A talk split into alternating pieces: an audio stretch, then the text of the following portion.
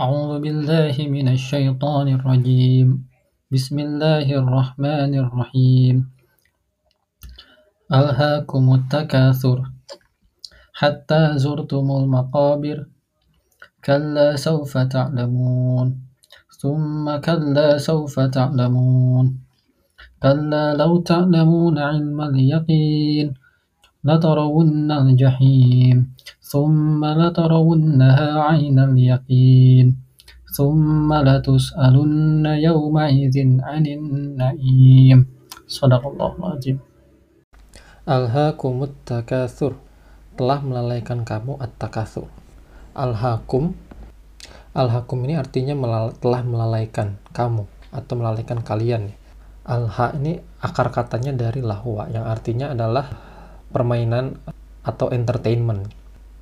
Nah, coba deh kita pikirkan entertainment ya atau hiburan ya.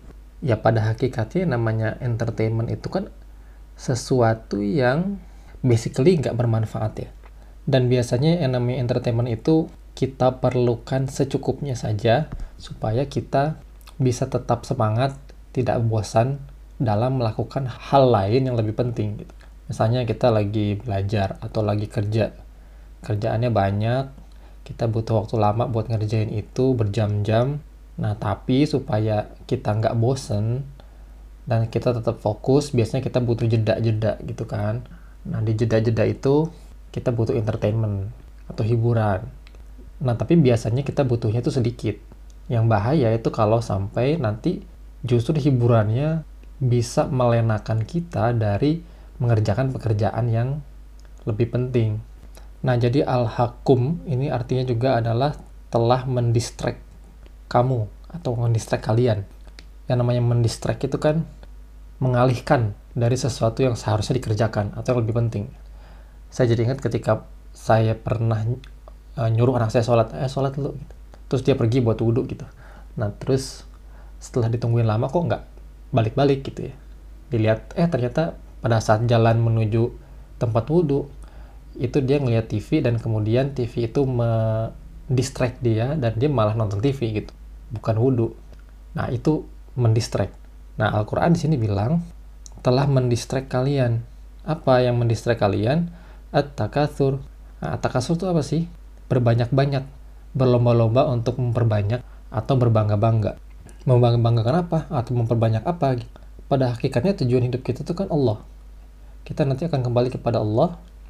Tujuan kita diciptakan itu untuk beribadah kepadanya.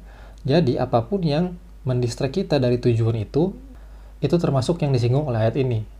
Nah, salah satu yang membuat kita terdistract itu adalah berbangga-bangga atau saling berlomba untuk memperbanyak. Nah, memperbanyak apa? Bisa memperbanyak harta, memperbanyak keturunan, memperbanyak memperbanyak gelar dan apa pun yang itu pada akhirnya bisa membuat kita terdistract dari tujuan hidup kita.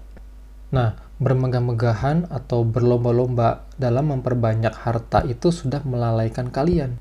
Hatta zurtumul makobir hingga kalian melewati atau masuk ke kubur. Zurtumul makobir. Zurtum artinya kalian melewati. Sama kayak ziarah. Kalau kita berziarah atau mengunjungi itu kan nggak lama-lama. Nah ini pemilihan kata yang sangat indah dari ayat ini yang membuat kita sadar bahwa oh iya ya kita kalau mati nanti masuk ke dalam kubur itu sebenarnya sementara. Kita hanya mengunjungi kubur saja karena tempat kembali kita yang abadi itu nanti di akhirat. Nah, jadi dari ayat 1 dan 2 ini disebutkan bermegah-megahan telah melalaikan kalian sampai kalian mati. Bayangkan kita dalam kondisi, kondisi terdistract, terlenakan sepanjang hidup kita sampai kita mati. Terus gimana? Lanjutannya, kala sekali-kali jangan. Kala itu artinya larangan atau mencegah saufa ta'lamun. Nanti kalian akan mengetahui. Mengetahui apa? Mengetahui akibat dari perbuatan kalian itu. Mengetahui akibat atas keterlenaan kalian itu. Summa kalla saufa ta'lamun. Nah ini, nah ini diulangi lagi. Sungguh jangan. Nanti kalian akan mengetahui. Kenapa diulang ya? Yang pertama, ini buat menekankan karena ini sangat penting. Yang kedua adalah nanti kalian akan mengetahui atau kalian akan mengetahui akibatnya dan menyesal itu beberapa kali. Mungkin nanti kalau sepanjang hidup kita kita sibuk mencari harta, mengumpulkannya gitu.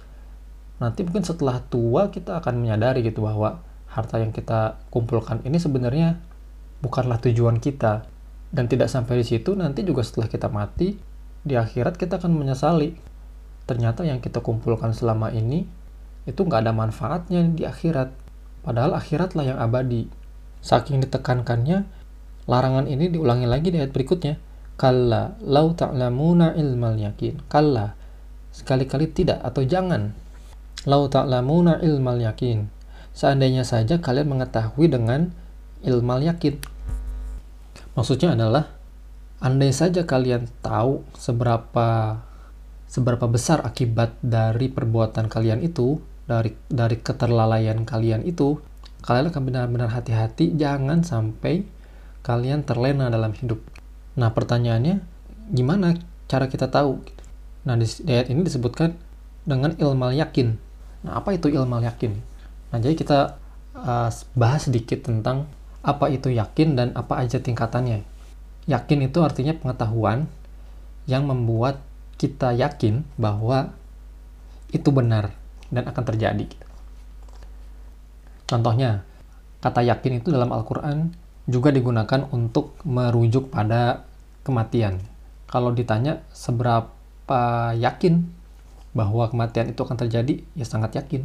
Kita tahu bahwa semua orang itu akan mati, dan kita yakin itu akan terjadi. Nah, itulah yakin.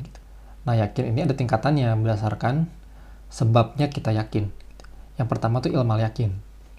Yakin karena ilmu.